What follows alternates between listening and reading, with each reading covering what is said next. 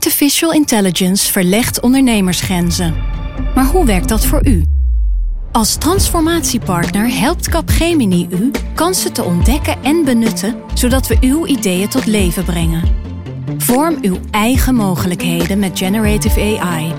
Ontdek meer op capgemini.nl/slash AI. Capgemini. Get the future you want. Wij zijn van de straat, van de buurt, van de wijk. Wij zijn van heel Nederland. Samen zorgen we voor vrolijkheid, verbinding, feest. Samen brengen we in één jaar tijd 349 miljoen euro bij elkaar. Miljoenen waarmee onze goede doelenpartners de wereld groener, gezonder en rechtvaardiger kunnen maken. Nationale Postcode Loterij. Samen voor een betere wereld.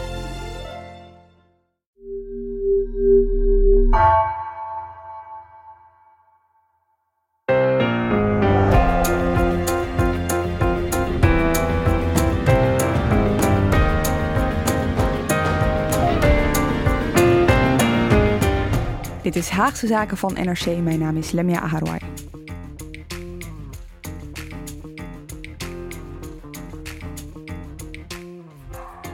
We gaan terug naar 11 januari 2002, naar het NOS-journaal. Zo klonk het toen de eerste Nederlandse militairen afreisden naar Afghanistan voor hun eerste missie.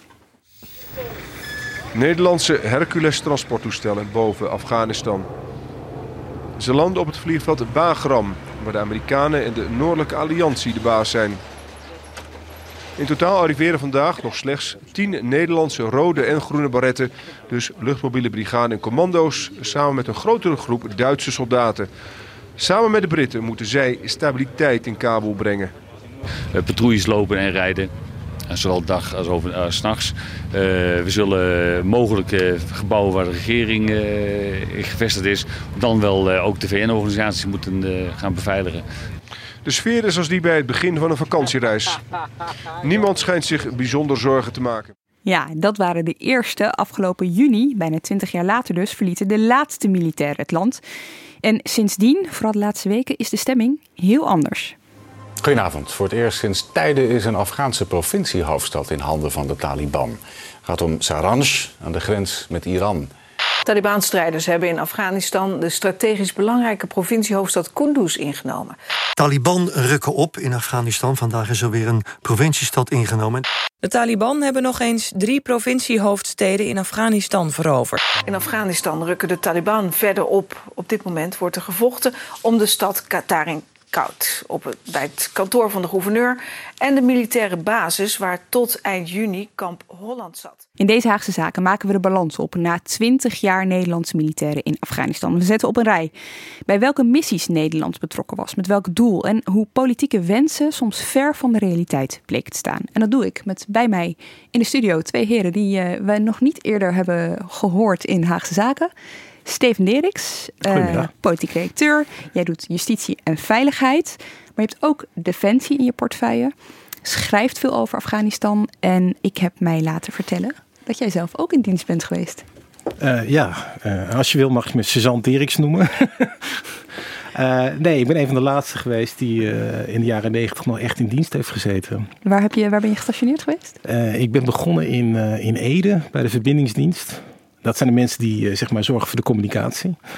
Ik ben gelukkig geëindigd bij uh, een dienst, uh, vakbond voor dienstplichtigen. Ah, heb je slim gespeeld. Dus daar hoefde ik geen uniform meer aan. Ja, ook bij me in de studio Karel Berghout, binnenlandredacteur met uh, de afgelopen jaren ook Defensie in, in de portefeuille. Ben jij in dienst geweest? Nee, ik had in die tijd wel nog in dienst gemoeten, maar ik ben afgekeurd. Tot mijn niet geringe vreugde, moet ik erbij zeggen.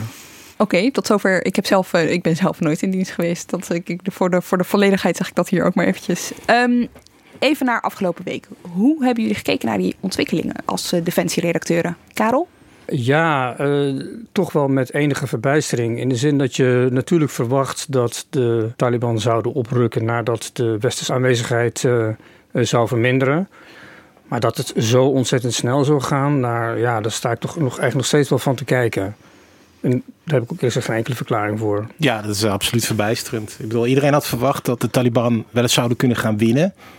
Als, als, op het moment dat de Amerikanen echt helemaal weg zijn, er zijn er geloof ik nu nog een paar. Maar als je kijkt gewoon naar de sterktes op papier. Ik geloof dat als je alle het Afghaanse leger en de Afghaanse politie bij elkaar optelt, dan heb je het over 300.000 man. Uh, schattingen over het aantal Taliban lopen uiteen. Maar nou ja, dat, die liggen zo rond de, de, de 60.000. Het is 1, 1 tegen 5 zou je zeggen. En toch blijkt dat uh, Afghaanse leger dat jarenlang is getraind, waar echt vele tientallen miljarden uh, dollars aan uit zijn gegeven door de Amerikaanse regering. Die beschikken over allerlei geavanceerde militaire apparatuur en wapentuig. Die blijken niet in staat om nou ja, mannen die alleen maar bewapend zijn met een Kalashnikov zich van het lijf te houden. Dit is allemaal begonnen, we hoorden het net, uh, stad voor stad, hè, provincie na provincie, uh, nadat westerse militairen allemaal uit Afghanistan zijn weggegaan. Je zegt net, Steven, de laatste Amerikanen zijn er nog, maar heel veel niet meer. Het is misschien wel eventjes goed om eerst even te schetsen, die Nederlandse militairen die zijn weggegaan uit Afghanistan. Wanneer was dat? Afgelopen juni zijn, eh, zijn, de, zijn de laatste weggegaan.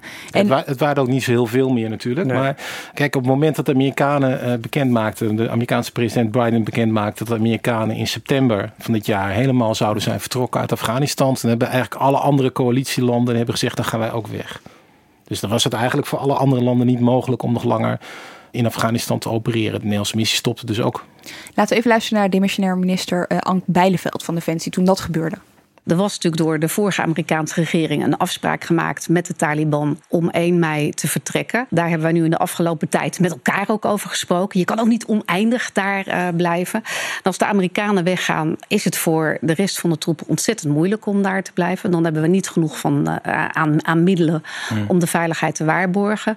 Dus we hebben daarover met elkaar gewikt en gewogen. Dit gebeurt dus uh, nadat de Amerikanen hebben duidelijk gemaakt: joh, wij gaan weg. Om precies te zijn was dat uh, Biden afgelopen april.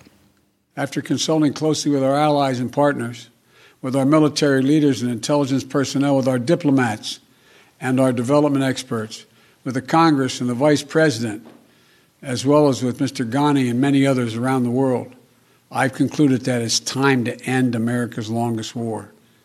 It's time for American troops to come home. Wat ging hieraan vooraf? Ik bedoel, is, heeft, is Biden dan degene geweest die echt heeft besloten... we gaan ermee stoppen of zijn presidenten hiervoor al mee bezig geweest?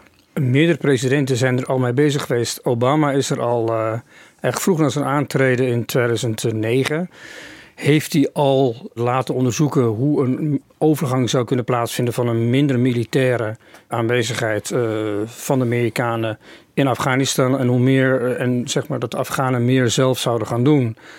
Het is hem alleen niet echt gelukt. Trump heeft er uh, serieus uh, werk van gemaakt. Het was een verkiezingsbelofte van hem om uh, Amerikaanse soldaten terug te halen. Die is op een gegeven moment ook om die reden vrij onverwacht toen onderhandelingen begonnen met de Taliban in 2018. Om te kijken of er niet iets geregeld kon worden. Onderhandelingen in de zin van als wij weggaan, dan houden jullie je koest. Ja, dan, een van de beloftes die ze in feite hoopten af te dwingen was bijvoorbeeld dat de Taliban de steden met rust zouden gaan laten. Ja. En uh, om er iets te noemen. En dat er toch min of meer een vreedzame overdracht zou kunnen plaats hebben. En dat er toch min, of meer een soort machtsdeling zou eh, zijn in, de, in Afghanistan. En in feite zou je kunnen zeggen dat Biden dat karwei heeft afgemaakt. Je hebt natuurlijk een vrij zwakke onderhandelingspositie als je eh, laat doorschemeren dat je eigenlijk wil vertrekken en je dan uh, volgens toezeggingen van andere partijen uh, wil afdwingen. Dus ja, dan kon je eigenlijk wel voorzien dat dit niet goed zou aflopen. Ja, en het was natuurlijk, de Afghaanse regering kreeg tijdens die onderhandelingen eigenlijk niet een hele duidelijke rol. Dus als jij een nieuw stevig bewind in Kabul wil hebben, is het niet handig om tijdens die onderhandelingen ze in een soort achterbankpositie te manoeuvreren. Ja, maar uiteindelijk heeft Biden dus die knoop doorgehakt. Ja. Ik neem aan dat dat was zonder de toezegging van de Taliban van oké, okay, prima, ja. we, we, blijven uit die steden. daar was in ieder geval grote onduidelijkheid over. Ja. Maar Steven, ondanks dat dat voortraject dus al een aantal presidenten, weet je, die zijn ermee bezig geweest, kwam het toch wel best wel als een schok hè, toen de Amerikanen zeiden, ja, we stoppen ermee. Ja, maar kijk, er zijn natuurlijk hele goede redenen om het anders te doen. Het is natuurlijk volkomen begrijpelijk dat uh, een grote uh, Afghanistan-moeheid is opgetreden bij iedereen en ook bij de Amerikanen. Die daar uh, nou ja, zoveel, zoveel militairen hebben ingezet, zoveel geld in hebben gestoken. Ook zulke per personele offers hebben moeten brengen. Maar er waren natuurlijk best andere scenario's denkbaar geweest. waarin je in een, met een veel kleinere hoeveelheid troepen. of bijvoorbeeld alleen met, met vliegtuigen. toch de, probeert een soort van ene symbolische aanwezigheid te houden in Afghanistan. En twee, uh, op, op cruciale momenten toch uh, zegt van wij gaan toch ingrijpen als het misgaat. Een soort van stok achter de deur. En dat is toch iets anders dan wat Biden nu heeft gedaan. Hij heeft gezegd, we stoppen er echt helemaal mee. Ja. En je, je ziet ook dat, dat de Taliban dat hebben opgevat als een uitnodiging om nu toch te gaan proberen om het echt gewoon militair te beslechten. Ja, want uh, nogmaals, die Amerikanen die maken dat bekend. Nederland is een van de bondgenoten. Je zag daarna die bondgenoten eigenlijk één voor één uh, dezelfde mededeling doen voor hun eigen natie. Ja, nou ja, dat is op zichzelf het spiegelbeeld natuurlijk van 20 jaar geleden, zou je kunnen zeggen. Precies. Toen zijn we achter de rug van de Verenigde Staten, zijn we, als, als het Westen zo mag noemen, daar naartoe gegaan. En er zit er een zekere logica in dat het, als Amerika weggaat, uh, andere landen ook weggaan. Nou, over uh, het terugtrekken van de troepen uit Afghanistan hebben onze collega's van vandaag een aflevering gemaakt. Die vind je in de show notes met onze collega Hanneke Chin. De vraag is natuurlijk, wat voor land lieten die troepen achter toen ze weggingen? Want ze zijn er natuurlijk heen gegaan met grote ideeën, met doelen, met, met missies. Hoe was het daar? Nou, als je heel cynisch bent, dan zou je kunnen zeggen... De, eh, dezelfde puinhoop die het was in 2002. Ja. Dat, is, dat, klinkt misschien cynisch, maar er zit wel een kern van waarheid in. Want als je uiteindelijk kijkt naar wat er is bereikt, is dat heel weinig. Ik bedoel, de missie is begonnen om de, eh, om de Taliban eh, mhm. uit het zadel te krijgen. Dat is gelukt. Maar in die twintig jaar daarna is eigenlijk nooit gelukt om het land uh, militair stabiel te krijgen. De Taliban zijn altijd, uh, hebben zich ergens kunnen verbergen. Op het moment dat westerse militairen hun rug omdraaiden, dan doken ze weer op. Ze, in, in, de nacht of in afgelegen gebieden. Uh, wat dat er gaat, is, is, er, is er eigenlijk bijna, bijna niets bereikt. Ja, cynisme is ook mij niet helemaal vreemd, maar uh, soms zijn kleine dingen toch heel groot. Uh, ik heb het bijvoorbeeld over meisjes die weer naar school konden gaan in de afgelopen twintig jaar. Wat ja. natuurlijk wel levensveranderend is voor een hele generatie, of zelfs twee generaties. Ja, kijk, als je kijkt, het is dus niet goed gelukt. Steven zegt het is niet goed gelukt om zeg maar, militair uh, mm -hmm. dominant te krijgen. Dat klopt. Het is natuurlijk ook niet goed gelukt om een, een politieke oplossing te vinden voor dat land. Waarin al die verschillende bevolkingsgroepen toch enigszins normaal met elkaar kunnen samenleven, zou je kunnen zeggen. Dus is ook eigenlijk te weinig uiteindelijk geïnvesteerd in een politieke oplossing. En, en er is wel geïnvesteerd in verbetering van de positie van vrouwen. Mm zorgen dat meer mensen überhaupt geschoold worden. Er zijn heel veel scholen geopend. Er is ook heel veel geld in, na, naartoe gegaan. Alleen inmiddels is ongeveer de helft van de scholen die met, met westers geld zijn geopend, is alweer dicht om er iets te noemen. Dan kun je dus zeggen, nou, dat is een, een, groot verlies zeker. Je kan ook zeggen, ja, inderdaad, er zijn in elk geval miljoenen Afghanen die uh, wel geletterd zijn nu inmiddels. En in ieder geval enige notie hebben van zaken als burgerschap, opkomen voor je rechten. Maar het is maar aan welke expert je het vraagt hoe je dat zou moeten wegen. Ja, dus precies. je, je, zou kunnen zeggen dat nu in 20 jaar, hè, de afgelopen 20 jaar, hebben we toch een min of meer democratische regering in Kabul gehad. Um, ja, er zijn, er zijn op allerlei gebieden natuurlijk wel, uh, hebben er ook hervormingen plaatsgevonden. Alleen ja, de vraag is alleen, is dit houdbaar? Kijk, als de Taliban uh, nu alsnog winnen, dan is dat dus alle, gaat alles verloren en is dat ook gewoon voor niks geweest. Ja, een terechte vraag. Is het houdbaar? Ik luister afgelopen week naar de Daily, uh, de podcast van de New York Times, waar een Afghanistan-correspondent eigenlijk heel goed samenvatte wat er in hele korte tijd na het terugtrekken van de westerse troepen en uh, ja, de opkomst van de Taliban veranderde in Afghanistan. Well, it's been very grim. What we know from the, the rural areas or the suburbs of the cities is that they've come in, they occupy houses, they push people out and take over their house. They lay IEDs and anti personnel mines all over the village, all over the fields. They dig tunnels because up until now they've been worried about a counterattack by the government. They closed all the girls' schools. I know that from you know in Kandahar. They uh, they even stopped people using their cell phones. So a lot of the old rules, and of course Sharia law, so women aren't allowed out without a male relative. Um, men, I think, even being grow- told to grow beards again. And we've seen some signs of whippings. And so the old extreme rule of the Taliban under Sharia law. Yeah, dit is hoe het er nu voor staat. Uh, helemaal aan het begin zei ik, we gaan alle missies doorlopen. Die Nederland, uh, waar Nederland in ieder geval een rol in heeft gespeeld.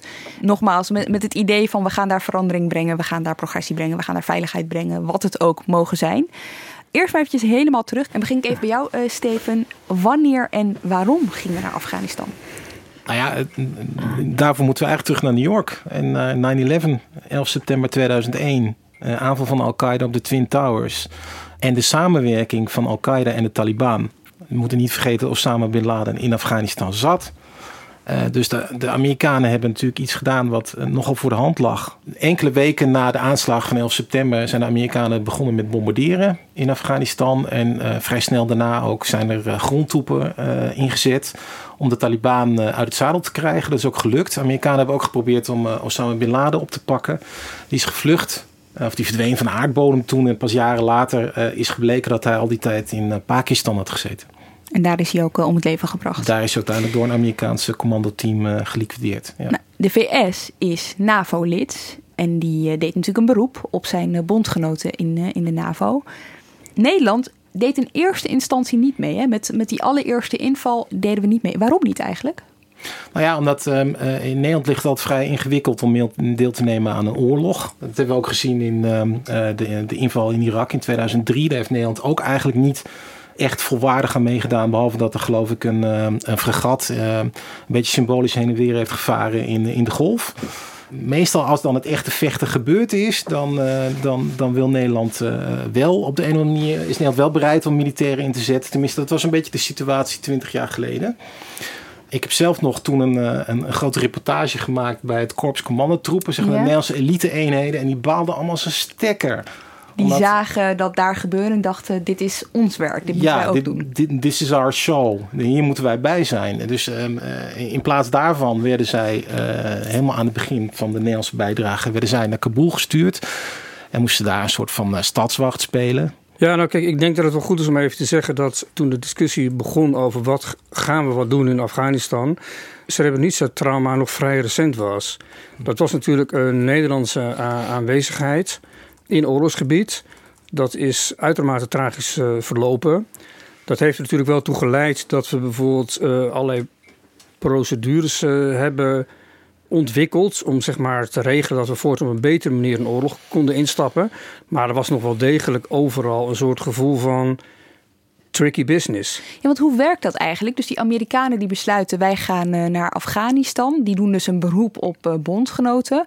Je kan dus zeggen we doen niet mee, want dat hebben we in de eerste instantie gedaan in Nederland. Hoe, hoe werkt dat? Als een kabinet besluit van we vinden dat we wel mee willen doen, dan gaat er een zogeheten artikel 100 brief naar de Tweede Kamer, waarin de Kamer wordt geïnformeerd over het voornemen om op een of andere manier uh, militairen te sturen naar een, naar een missiegebied.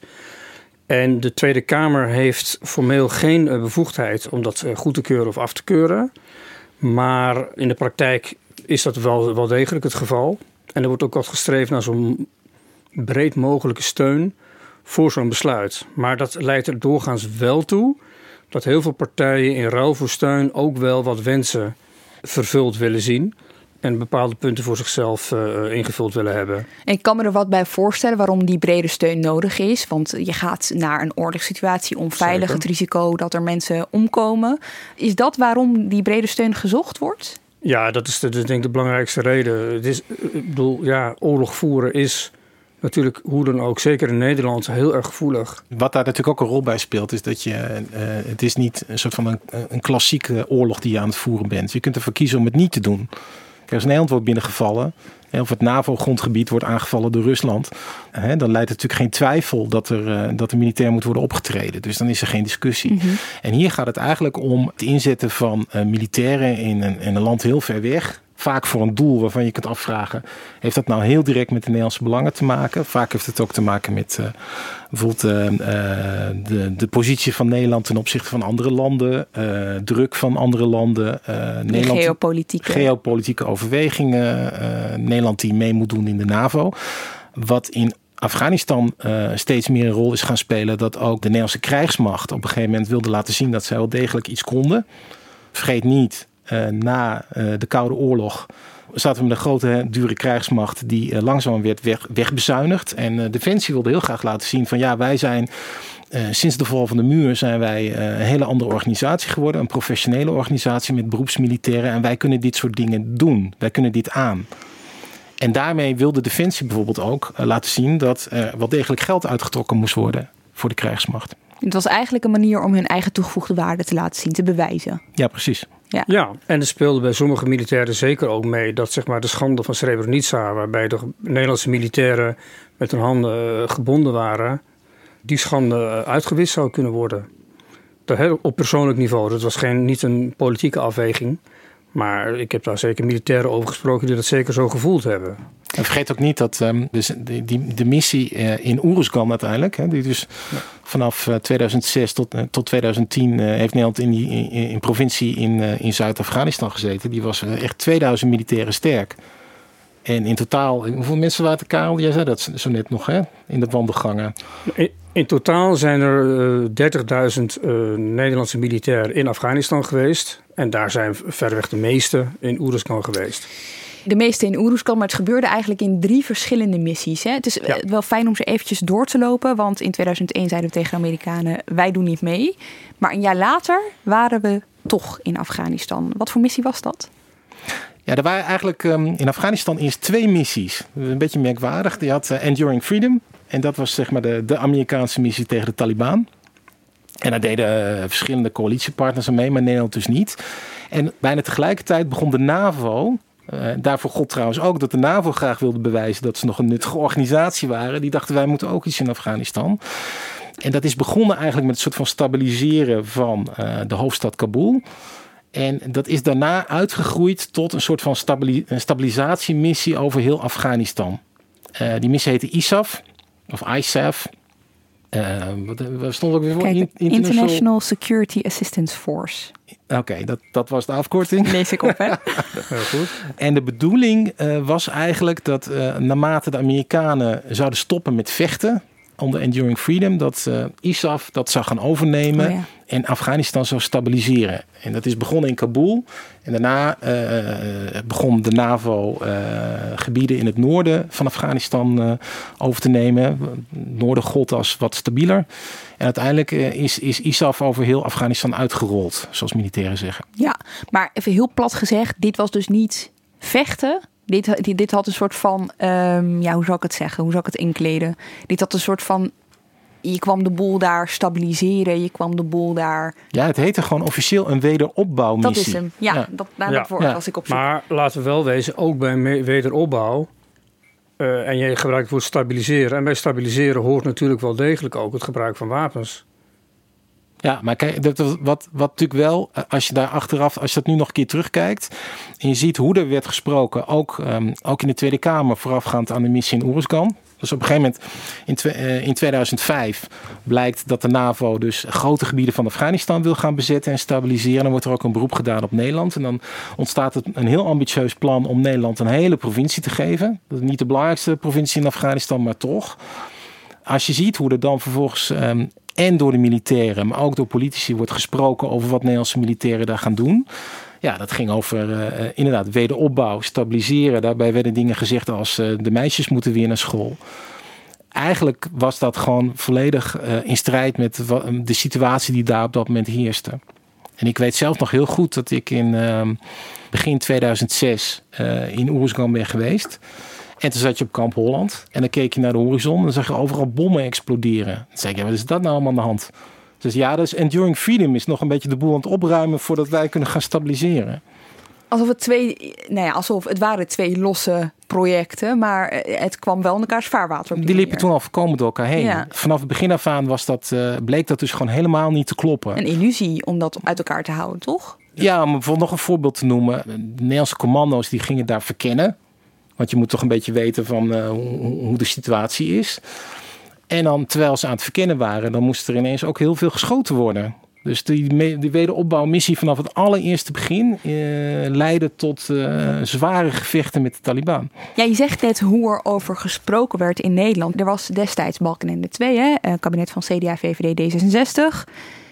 D66 was ontzettend kritisch. En de PvdA, dat was de grootste oppositiepartij, toen nog met 42 zetels, andere tijden, uh, die waren ook heel erg kritisch. Dus het was heel belangrijk, wat doen die of wat doen die niet? En uiteindelijk gingen ze om.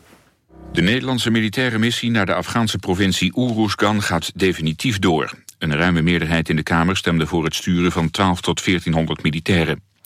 Aan het slot van het debat herhaalde premier Balkenende dat ook alle ministers in het kabinet achter de missie staan. Het kabinet wil dat onze militairen een bijdrage leveren aan de veiligheid en wederopbouw van Oeruzgan. En ik constateer dat daarvoor nu ook een zeer breed draagvlak in uw Kamer aanwezig is en dat deze missie daarmee doorgang kan vinden. 127 van de 150 voor, D66, SP, GroenLinks tegen. En uiteindelijk toch nog één Kamerlid van de PvdA die dacht... ja, uh, ik doe hier niet aan mee, dus die stemde ook tegen. Het is heel interessant, we hoorden net Balkenende de nadruk dus leggen op wederopbouw. Ja. Dat was dus een manier om het te verkopen. Ja, eigenlijk is dat altijd de manier waarop het verkocht wordt in Nederland. Nederland ziet zichzelf niet als een oorlogsvoerende natie. De geschiedenis wijst anders uit. Maar het, zelfbeeld is toch heel erg dat wij een vredelievende natie zijn. En dat als we ergens naartoe gaan, zelfs al is dat zwaar bewapend, dan is dat om hele goede dingen voor de wereld te doen. We zijn ook een van de weinige landen die uh, hebben vastgelegd dat ons leger niet alleen wordt ingezet voor verdediging van het eigen grondgebied of voor het helpen van civiele autoriteiten, maar ook voor het ondersteunen van de internationale rechtsorde. Dus we zijn hele brave jongetjes. Dus het is heel cruciaal altijd dat wij ergens aan wederopbouw gaan doen. Alsof het zeg maar ontwikkelingshulp is die we gaan bieden. Maar het is ook een soort parallele politieke wereld die dan gecreëerd wordt. Want uh, jij legde net al uit, uh, Steven. Jij hebt dan dit aan de ene kant. Maar aan de andere kant heb je aan de horizon uh, allerlei explosies. Omdat er oorlog gaande is. Ja, Kijk, en ik denk dat het niet overdreven is om te zeggen dat als er uh, voorafgaand aan de missie in Oeruzgan eerlijk was verteld wat de situatie daar was, hoeveel er gevochten zou worden. En dat er uh, misschien wel 25 doden zouden vallen aan de Nederlandse zijde, wat uiteindelijk is gebeurd. En dan was die missie niet doorgegaan. En vooral aan de, aan de linkerzijde van het politieke spectrum is dat gewoon politiek niet haalbaar. Het PvdA, GroenLinks. Uh, daar heerst toch uh, nog steeds een beetje de mentaliteit van het gebroken gewiertje. Dat wil zeggen, eigenlijk, ja, mensen weten zich niet zo goed raad met die krijgsmacht. En liefst bezuinigen we erop en oorlog voeren. Nou ja, dat, dat, is, dat is eigenlijk voor, vooral voor de linkerkant van het, uh, in de Nederlandse politiek een, uh, gewoon een onhaalbare kaart. Die twee parallele werelden, zal ik maar even zeggen. Die kwamen heel mooi samen in een stuk dat jij schreef, Steven, in 2011. Ik citeer eventjes. Om de Tweede Kamer over de streep te trekken... heeft het kabinet de nadruk gelegd op de civiele kant van de missie. In summiere persberichten wordt gesproken van vuurcontacten en schermutselingen. Commandant der strijdkrachten Berlijn geeft tijdens een persconferentie op 1 juni toe... dat de veiligheidssituatie in Oeruzkan zorgen baart. Maar, quote, het is niet zo dat de Taliban voor de poort staat.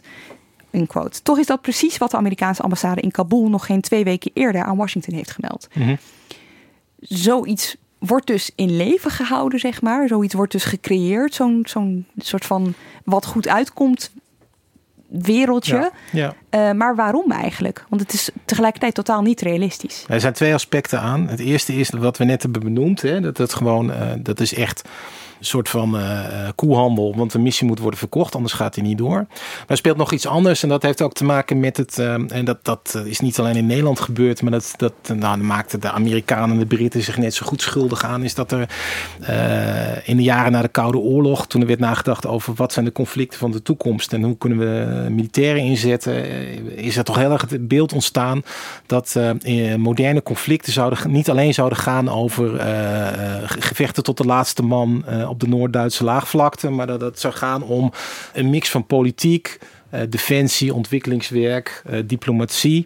Uh, er, is ook een heel een soort van militaire literatuur omheen ontstaan. een soort van eigen lingo is er omheen ontstaan. Wat in Nederland werd gesproken over de 3D-aanpak. Die stond, stond voor, wat was het? Defense Diplomacy and Development of Development Diplomacy. Nou ja, welke volgorde weet ik niet meer. Militairen zelf waren daar ook heel, helemaal van vervuld. Dus de militairen die in Afghanistan rondlopen, die, die praten ook in dat soort uh, onbegrijpelijke taal. Ik bedoel, dan hadden militairen het ineens over kinetische operaties. Ik dacht, ja, waar hebben ze het in godsnaam over? Dan bleek dat kinetische operaties, dat was eigenlijk als zeg maar stuk, stukken lood met een hoge snelheid op je afvliegen. Dat is zeg maar hoge kinetische energie op je afvliegen. Wel, welk woord gebruikte jij ervoor, Karel? Nou ja, ze gebruiken ook kinetische operaties als uh, uh, eufemisme voor dat er gewoon vuurcontact is geweest. Schieten, gewoon voor schieten. schieten ja. Gewoon voor schieten. Ja. Ja.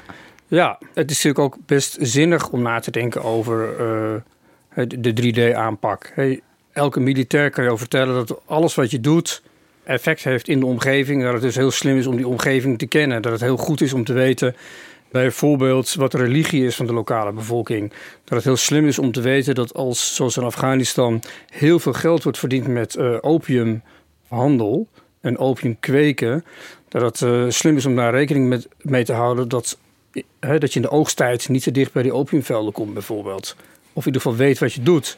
dus dat soort is op zichzelf heel slim.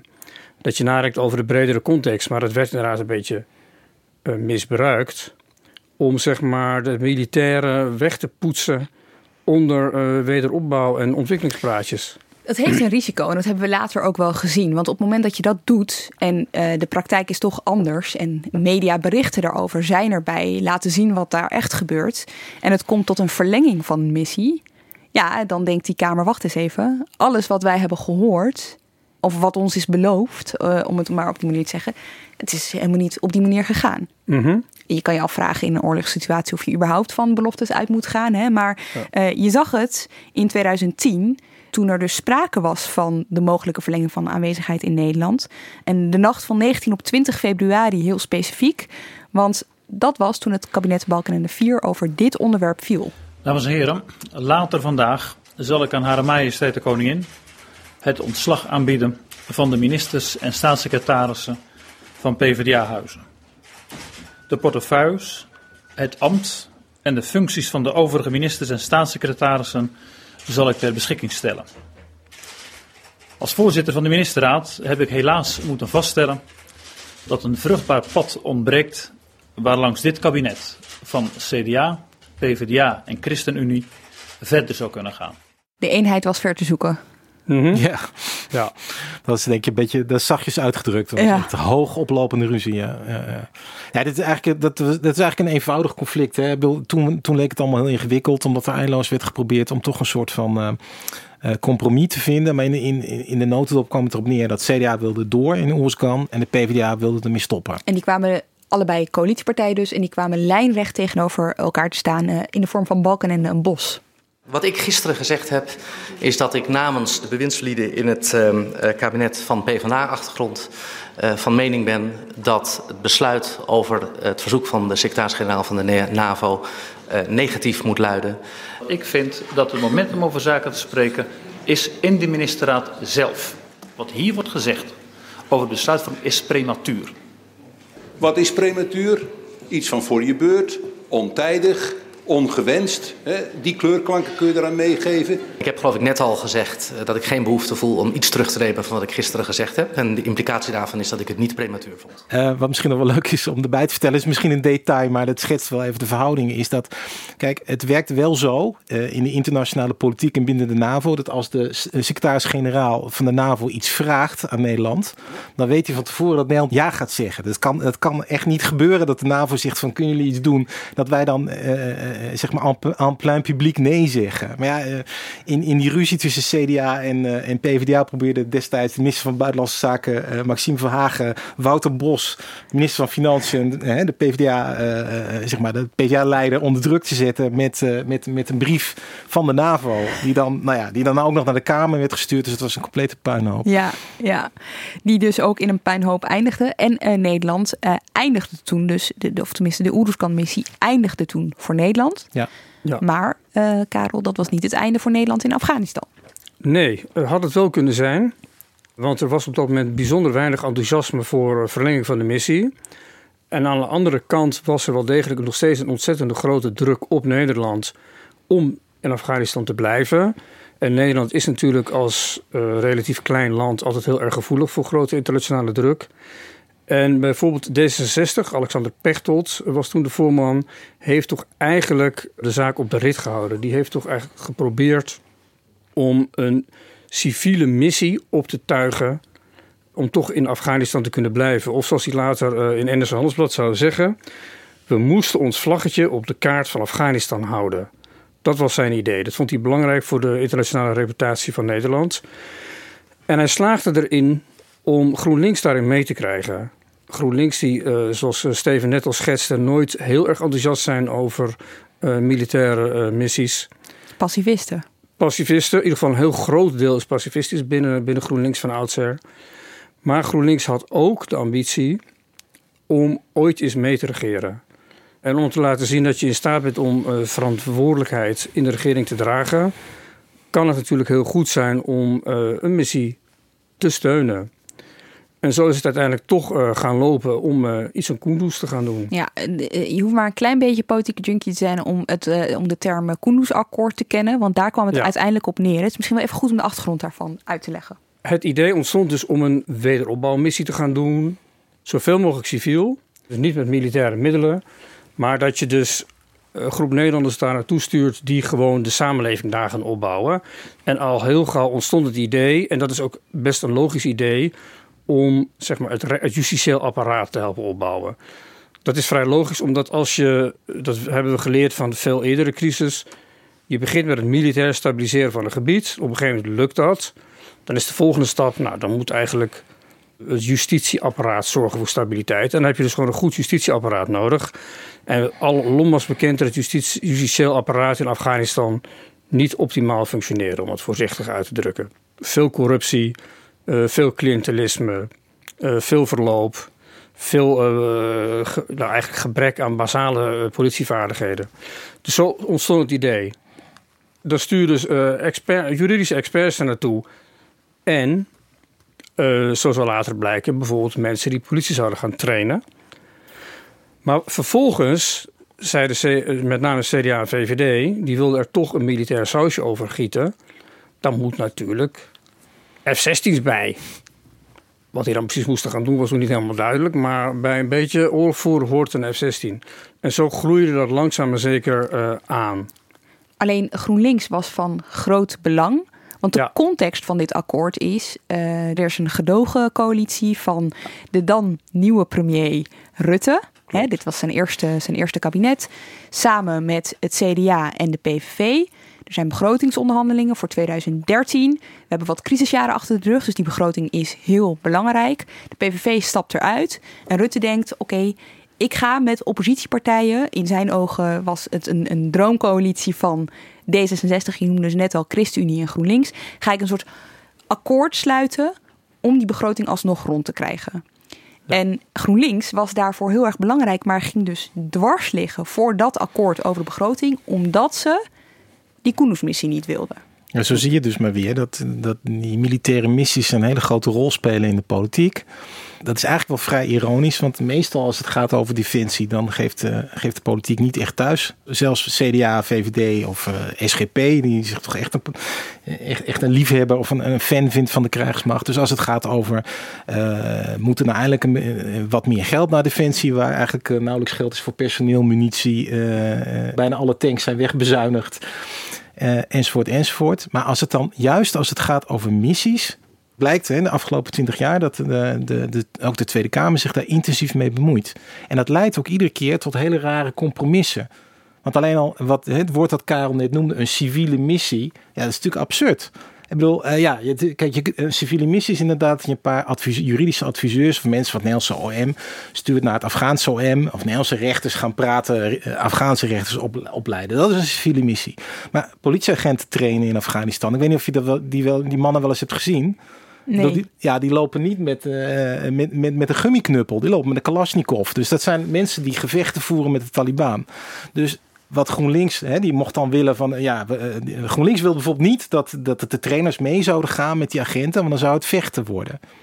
Dus dan zie je dat, zeg maar, koehandel, dat koehandel, koehandel over... en, en onrealistische politieke eisen. Ja, nou, dus ja. voortdurend door, door dat soort missies heen lopen. Nou, zo'n zo missie wordt dan een soort kerstboom die helemaal wordt volgehangen met allerlei politieke wensen. En dan mogen vervolgens uh, degene die op, op stap gaan uh, kijken wat ze daarvan uh, kunnen bakken ter ja. plekke. En de politici hier die kunnen zeggen: Het is mij gelukt om dit en dit en dit binnen te slepen. Ja. Er is een beroemd fragment van Jolande Sap, toen nog GroenLinks-leider, die, die zegt hele harde toezeggingen te hebben gehad op wat zij wilde.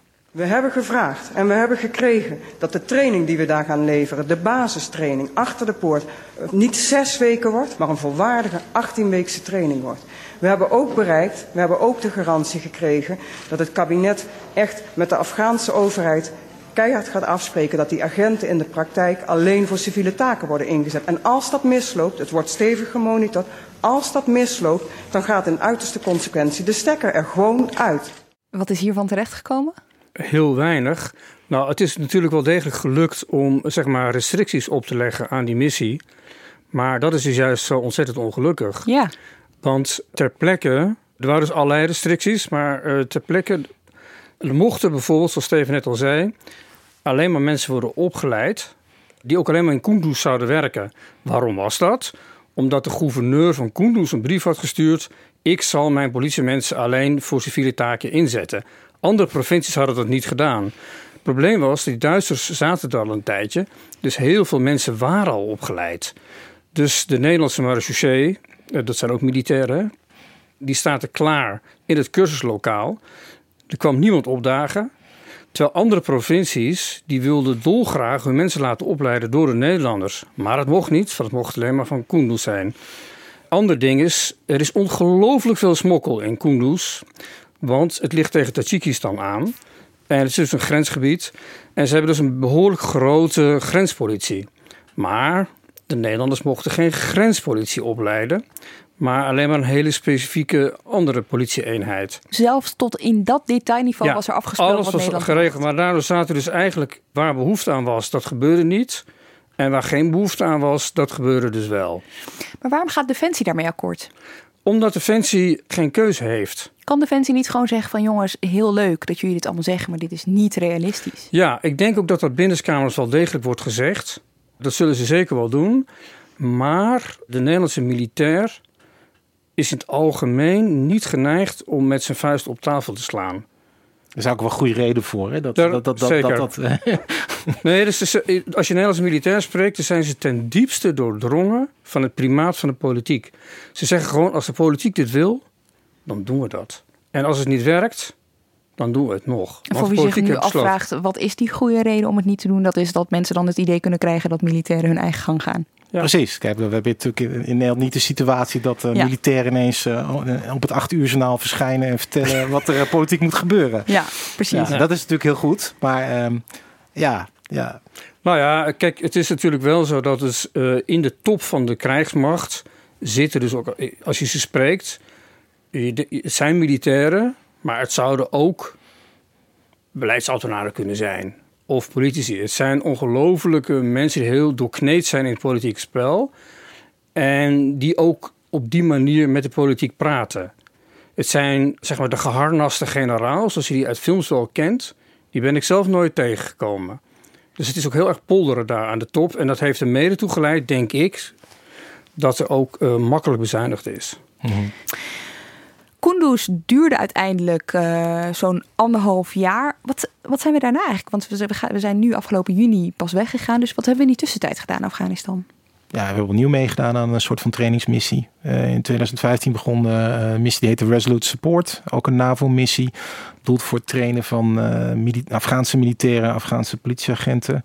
Veel kleiner dan ISAF. Dus de bedoeling was eigenlijk al dat, dat, dat ook de NAVO zich eh, langzaam zou terugtrekken. Dus Resolute Support, uh, daar deed iets van 5000 militairen aan mee. Nou, terwijl ISAF, dat waren er echt vele tienduizenden. Um, zo zie je dus dat die missie in Afghanistan steeds kleiner werd. Um, en, en dat Resolute Support, dat trainen van, uh, van politie en, en leger, hebben Nederlandse militairen ook aan meegedaan vanuit Mazar-i Sharif. Dat is een uh, grote, grote stad in het noorden ook. Uh, en dat is dus vorige maand, twee maanden geleden, eind juni, is dat geëindigd. Wat we trouwens niet moeten vergeten is, omdat we nu eh, heel lang over Kunduz hebben. Ja. De luisteraar krijgt dan de indruk dat het allemaal niet zo voorstelde. Maar kijk, we hebben daar wel uh, in, Oeruzgan hebben we een hele zware gevechten gevoerd. En ja. dus tussen 2006 en 2010. Zoals uh, Nederlandse militairen uh, die niet hebben gevoerd sinds de Korea-oorlog. Ja. Of wat wij nog steeds politionele acties noemen, geloof ik. Hè? De Indonesische koloniale oorlogen. Dus dat is echt. Ehm, onlangs is ook nog is de slag bij Chora opnieuw in het, in het nieuws geweest. Dus een jaar nadat uh, Nederlandse militairen in Oeruzgan zaten, uh, is een, uh, een stad vlakbij de provinciehoofdstad in, bijna ingenomen door de Taliban. En hij heeft Nederland met, is daar met grof geweld tekeer gegaan. Dus hebben met een, een panzerhouwitser geschoten, een enorm kanon. Ze hebben vliegtuigen gebombardeerd. Er zijn heel veel burgerslachtoffers bijgevallen ook.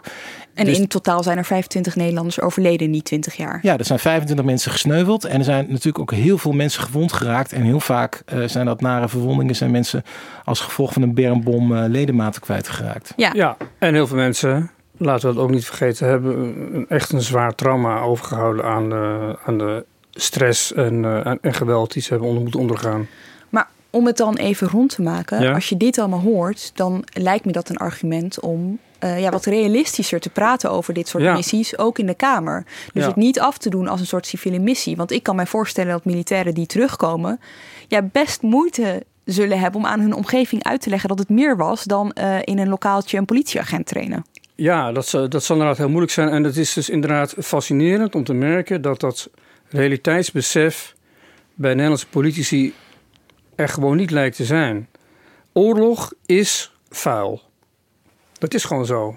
Het is gewoon een hele nare, gewelddadige toestand. Zelfs als het relatief goed verloopt, is het nog eh, buitengewoon eh, onaangenaam. En daar zou je gewoon eerlijk over moeten zijn, zeggen militairen. Die zouden het ook heel prettig vinden als, eh, als dat gewoon gebeurde. En toch blijft er een soort fictie bedreven worden in Den Haag op dit vlak. En er zijn natuurlijk hele goede redenen om oorlog te voeren. Dus er, er bestaat op de ene manier in de Nederlandse politiek het idee dat eh, oorlog voeren niet legitiem zou zijn. Terwijl als je kijkt naar Afghanistan, dan zou het, eh, het eerlijke verhaal zo zijn geweest. Ehm dit is een failed state waar een fundamentalistisch regime aan de macht is dat het internationale terrorisme steunt. Dus alleen al het feit dat daar westerse militairen ervoor zorgen dat die Taliban niet aan de macht komen. Dus ook al is dat een, een, een guerrilla-oorlog van 20 jaar, dat is zinvol. Dat is ook zinvol geweest. Dat is hetzelfde geldt voor eh, wat we hebben gezien met de oorlog tegen de Islamitische Staat. We kunnen niet tolereren dat er zoiets, eh, eh, zeg maar, zo'n gezwel in het Midden-Oosten eh, opdoet. Want dat heeft uiteindelijk ook gevolgen voor onszelf. Uiteindelijk komen er toch mensen uit die regio naar ons toe aanslagen te plegen. Dus het simpele feit dat je daar een soort van op een zeer beperkte schaal oorlog voert. Want uiteindelijk, dat is toch wat we doen. Hè? Het is niet, niet, niet een een grote conventionele oorlog. Dat valt best te legitimeren. Maar het, het zou wel goed zijn als daar eens eerlijk over wordt gepraat. Nou ja, kijk, en dat is inderdaad wat je terecht ook zegt, realistisch. Want ik eh, heb even voor dit gesprek nog eens goed gelezen in een evaluatierapport. Dat is gemaakt door een eh, eh, afdeling van het ministerie van Buitenlandse Zaken. Die heet Internationaal Onderzoek en Beleidsevaluatie. Die hebben Kunduz-missie eens even tegen het licht gehouden. Die hebben eh, 112 mensen ter plekke in Afghanistan geïnterviewd en nog eens 118 in Nederland en Duitsland. Duitsland is belangrijk omdat we eigenlijk samen met Duitsland optrokken eh, in, in Kunduz. Dat is een heel kritisch rapport. En daaruit blijkt dus ook eigenlijk die eh, totale scheiding tussen de Haagse realiteit en de realiteit ter plekke. Dus Stevens schetst eh, terecht een beeld van eh, we moeten soms oorlogs voeren. Nou, dan is er bijvoorbeeld, heeft de Tweede Kamer bedacht dat er dan wel F-16's mee mogen. Maar die mogen er eigenlijk niet meedoen aan de eh, gevechten. Behalve, zoals wordt er afgesproken, als ze al in de lucht hangen, zijn en het snelst van alle bondgenoten beschikbaar kunnen zijn. Dan mogen ze wel eh, ingrijpen. Nou ja, ter plekke blijkt dan dat dat natuurlijk echt niet gaat. Dat is niet realistisch. En dan wordt ter plekke besloten van oké, ze mogen ook zelf opstijgen om mee te doen op, eh, aan een gevecht op verzoek van een, eh, van een bondgenoot. Dat is nou een typisch voorbeeld van, van waar het dus de, de hele tijd wringt. Wat me ook opviel in het rapport is toch ook een, een, een reeks voorbeelden van de enorme verschillen tussen de Haagse werkelijkheid en de lokale werkelijkheid. Zo was onder eh, druk van de christelijke partijen eh, bepaald dat ze deel uitmaakten van de missie een eh, adviseur die zich helemaal ging bezighouden met vervolgde christenen in Kunduz. Ter plekke bleek de man in kwestie niets te doen te hebben, want hij slaagde er niet in om voldoende praktiserende christenen te vinden. En toen is hij maar besloten om zich in, al, in bredere zin bezig te gaan houden met eh, mensenrechten. Een ander voorbeeld is eigenlijk de, het genderbeleid, zoals dat genoemd wordt. De verbetering van de positie van vrouwen in eh, Afghanistan. Dat is al heel lang eh, onderdeel van de Nederlandse aanpak. In Afghanistan deed zich het probleem voor dat er een vrij beperkte groep vrouwen was die bereid was op cursus te komen. Ongeveer 20, eh, 20 mensen. En die bleken ook al eh, gevraagd te zijn voor het genderprogramma van de Canadezen. En eh, even later ook eh, van, dat, van de Amerikanen. Er was een groep van vrouwen die gewoon elke keer op cursus ging. Dezelfde groep vrouwen. dezelfde groep vrouwen ging steeds overal op cursus, zo werd vastgesteld, En ieder land wilde hieraan voldoen. Dus ja, ieder en elke, en elke land kon dus daarna afvinken Wij hebben ons weer aan ons uh, genderbeleid uh, gehouden. Die vrouwen waren echt goed getraind aan het eind, denk ik. Ja. Uh, die vrouwen moeten goed, goed getraind zijn ja. geweest, ja. Ja, er zijn vrouwen geweest die zijn gewoon drie, vier keer op cursus geweest. Ja, van die... En zo bevat het rapport talloze voorbeelden van totaal gebrek aan realisme. En wat concluderen ze over die missie? Nou, het is, het is een kritisch rapport. Het is ook een genuanceerd rapport, omdat zij vaststellen dat er wel degelijk waardevolle dingen zijn gebeurd. Maar ze, ze concluderen onder meer dat het tekort is geweest. Uh, simpelweg, uh, ze hebben de politie bijvoorbeeld getraind om uh, fatsoenlijke politieagenten te worden, meer volgens het Nederlandse model. Zeg maar de wijkagent die normaal omgaat met zijn burgers. Ze hebben ook mensen geïnterviewd, ze hebben gezegd, nou we merkten meteen verschil. Afghaanse agenten gingen zich veel beter gedragen. Maar ja, jammer dat jullie na anderhalf jaar alweer vertrokken waren. Want ja, je kreeg verloop en het was weer snel verdwenen. En ze concluderen ook en dat is uh, waarschijnlijk het meest pijnlijk, dat er gewoon niet eerlijk is gerapporteerd over de vorderingen. Want zeg maar, het wensdenken in Den Haag wilde dat het allemaal geweldig ging. In de praktijk bleek er dus te weinig cursisten te zijn. Uh, en dat leidde ertoe, en dan staat er gewoon letterlijk: de Nederlandse betrokkenen binnen alle onderdelen van de missie ervoeren druk om in rapportages een positief beeld te schetsen, ook al klopte dit niet met de werkelijkheid. Hierdoor werd aan de Kamer niet altijd transparant gerapporteerd over de voortgang van de missie.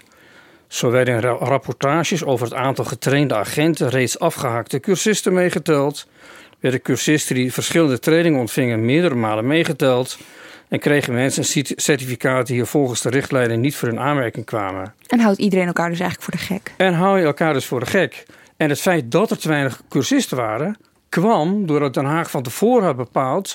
jullie mogen alleen maar cursisten uit Kunduz opleiden... en niet uit de provincies van de omgeving. Hetzelfde is gebeurd rond de missie in Oersgan. Uiteindelijk werd daar het succes gemeten in het aantal schooltjes dat was gebouwd, het aantal waterputten dat werd geslagen. Uh, het aantal amandelbomen dat was geplant. Uh, uh, ja, het, terwijl er ondertussen gewoon gevochten werd in een oorlog. Terwijl er eigenlijk ja, voortdurend, voortdurende gevechten waren, waarbij dus ook aan de Nederlandse zijde al mensen om, heel veel mensen omkwamen. Ik ben heel benieuwd naar het evaluatierapport over uh, onze uh, overgang van zaken in Mazar Sharif, moet ik zeggen. Komt dat er altijd? Uh, nou, er komt altijd wel een soort van evaluatie. En of er, zeg maar, deze speciale afdeling van Buitenlandse Zaken zich erover gaat buigen, dat is niet standaard. Ik, ho ik hoop wel dat ze het doen. Waarom? Nou, omdat, ik, omdat het een onafhankelijk, kritisch, scherpe onderzoek is. En waar we echt nog steeds veel van kunnen leren. Weet je wat ik eigenlijk nog een keer echt, echt zou willen weten? Nou? Want als, als ik heel eerlijk ben, dan, dan geloof ik dat wel hoor, dat rapport van Mazari Sharif. Ik denk dat het voor de, uh, voor de democratische controle echt van belang zou zijn dat uh, Defensie eens een keertje de complete bodycount geeft van alle mensen waarvan zij denken, alle strijders die zijn omgekomen door Nederlands vuur sinds de allereerste inzet in 2002. Want dat cijfer, dat is nog nooit ergens uh, gemeld. En uh, dat is uiteindelijk waar, waar oorlog toch om draait. Dat gaat over mensen doodmaken. En daar moet je ook verantwoording over afleggen. Misschien, misschien kan je herinneren, niemand kan zich dat natuurlijk herinneren, maar misschien heb je wel eens een keer een persconferentie gezien rond de Vietnamoorlog. En dan ging het altijd om de bodycount. En dan zeiden de Amerikanen, we winnen in Vietnam. En dan elke dag publiceerden ze de bodycount en zeiden we hebben zoveel van de uh, zoveel guerrilla-strijders van de Vietcong doodgeschoten. En wat je nu ziet is dat uh, bij, bij westerse militairen heerst de omgekeerde mentaliteit. Dus het is iets wat je onder het tapijt schuift. En bij Nederland is dat nog eens een keertje extra zo. En dat leidt er ook toe dat er eigenlijk slecht verantwoording wordt afgelegd over wat nou de werkelijke gevolgen zijn van de militaire inzet. Omdat iedereen zich focust, kijk maar naar die Kunduz-missie, op uh, allerlei civiele doelen. Uh, wordt tegelijkertijd worden de, zeg maar, wat, wat er militair gebeurt, wordt eigenlijk een beetje verborgen gehouden. En daarom uh, komen er nog steeds dingen in, in de actualiteit. Hè? Ja. Dus onlangs gezien dat er weer een militair gewetensvoeging kreeg of uh, PTSS had ontwikkeld. Een grote mentale probleem. bleek die man die had, die moest vanuit een panzerwagen uh, op willekeurige kala's, dat zijn die grote leme boerderijen, schieten. Waarschijnlijk zijn daarbij ook burgers omgekomen. Maar het gekke hiervan is dat het een soort zelfversterkend effect heeft dan ja. toch? Ik bedoel, de Kamer stelt allerlei, tot in detailniveau allerlei ja. eisen. Defensie gaat met die opdracht in de achterzak naar een oorlogsgebied en het blijkt toch iets anders te liggen. Dat vraagt meer van Defensie. Komt terug, minister wordt op het matje geroepen, Kamer boos, volgende missie. En hetzelfde gebeurt weer. Of het is een reden om te zeggen, wij doen niet meer mee. Ja, ja. Er is niet een soort uh, mentale groei in de politiek. Dus een mentale groei van uh, een land dat zichzelf ziet als een, uh, een en een dominee, tot een land dat moet erkennen dat het ook wel eens uh, soldaat is. Nou ja, ik denk ook alleen maar aan het schandaal rond het bombardement in Hawija, wat bijna heeft geleid tot, tot aftreden van de minister van Defensie. Uh, Bijleveld. Eigenlijk, als je nou eens kijkt naar hoe er is gerapporteerd over jarenlange inzet van Nederlandse F-16's om de islamitische staat te bombarderen. Uh, uh, andere landen uh, publiceren daar veel betere rapportages over, waarin inschattingen worden gemaakt van het aantal mensen dat daarbij is omgekomen. Er zijn mensenrechtenorganisaties die zich bezighouden met het turven van het aantal burgerslachtoffers. En die dan informatie opvragen bij westerse landen daarover. En daar scoort Nederland ook altijd heel slecht in. Dus je ziet dus ja. dat die, die, die zogenaamde, dat pacifisme van ons, daarmee verhullen we eigenlijk dat we ook gewoon vuile handen maken. En dat is ja. natuurlijk eigenlijk heel slecht. Kijk, we hadden het net al even over artikel 100 brieven en het feit dat uh, de Nederlandse politiek vindt dat er een brede steun moet zijn voor, voor missies. Tegelijkertijd uh, zit de Kamer ook voortdurend te slapen als het gaat om uh, wat er nou eigenlijk werkelijk gebeurt. Dat is het merkwaardige. Dus de Defensie is niet erg genegen om daar openheid van zaken over te geven. En de Kamer vraagt er ook niet aan door. Want we hebben het over de meisjes die naar school moeten. Over civiele missies. Over allemaal leuke dingen die we doen in verre landen. Maar ja, we, we maken daar ook mensen dood. Dat is ja, de, dat- de harde waarheid. En dat past niet in ons zelfbeeld. Terwijl als je met militairen zelf praat, dan zeggen die: eh, vertel het nou maar gewoon. Ook die burgerslachtoffers eh, die in Hawija zijn gevallen, dat had volgens de militairen die ik dan spreek, gewoon gemeld moeten worden. En ja, het was een ongeluk en het is heel erg verschrikkelijk. Eh, maar het is wel gebeurd. Mhm. Ik heb eigenlijk nog één vraag. Want Ja. eh, helemaal aan het begin bracht ik even te sprake: heeft het nou eigenlijk zin gehad? Nou, daar kijken jullie allebei iets anders naar. Een van de componenten die jullie ook noemden als reden om wel te gaan, voor Defensie in ieder geval, was: wij willen laten zien dat we het kunnen. Dat wij nog van toegevoegde waarde zijn. Ja. Na twintig jaar, wat is daarvan overgebleven? Hebben ze dat kunnen laten zien?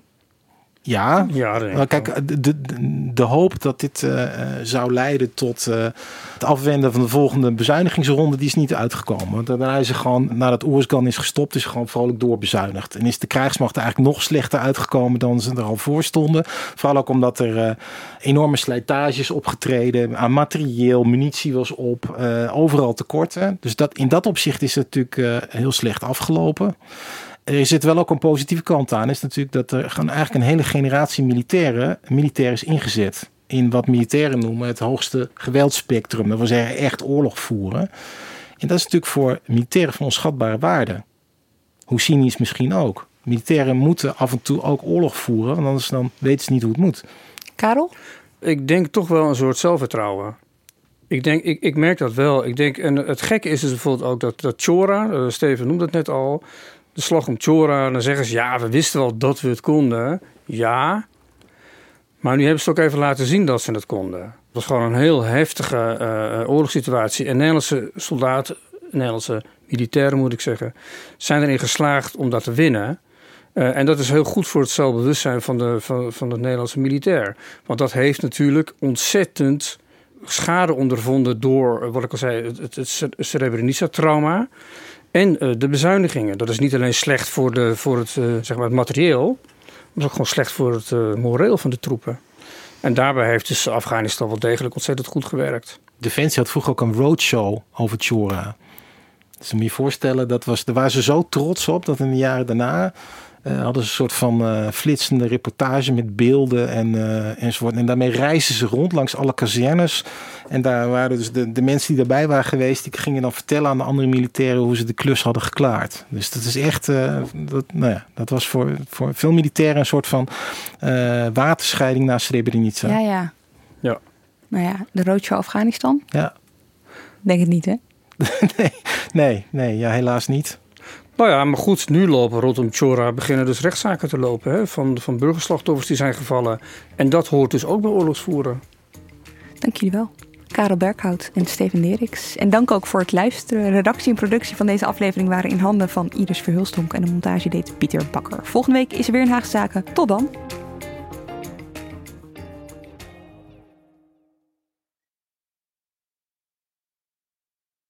Je hebt aardig wat vermogen opgebouwd. En daar zit je dan, met je ton op de bank. Wel een beetje saai, hè? Wil jij, als belegger, onderdeel zijn van het verleden of van de toekomst? Bridgefund is een slimme fintech die een brug slaat tussen de financiële behoeften van ondernemers en van beleggers. Dus wie belegt bij Bridgefund krijgt niet alleen een mooie vaste rente, maar brengt ook ondernemers in beweging. Echt waar. Met die ton kan je zoveel betere dingen doen. Bridgefund. Make money smile.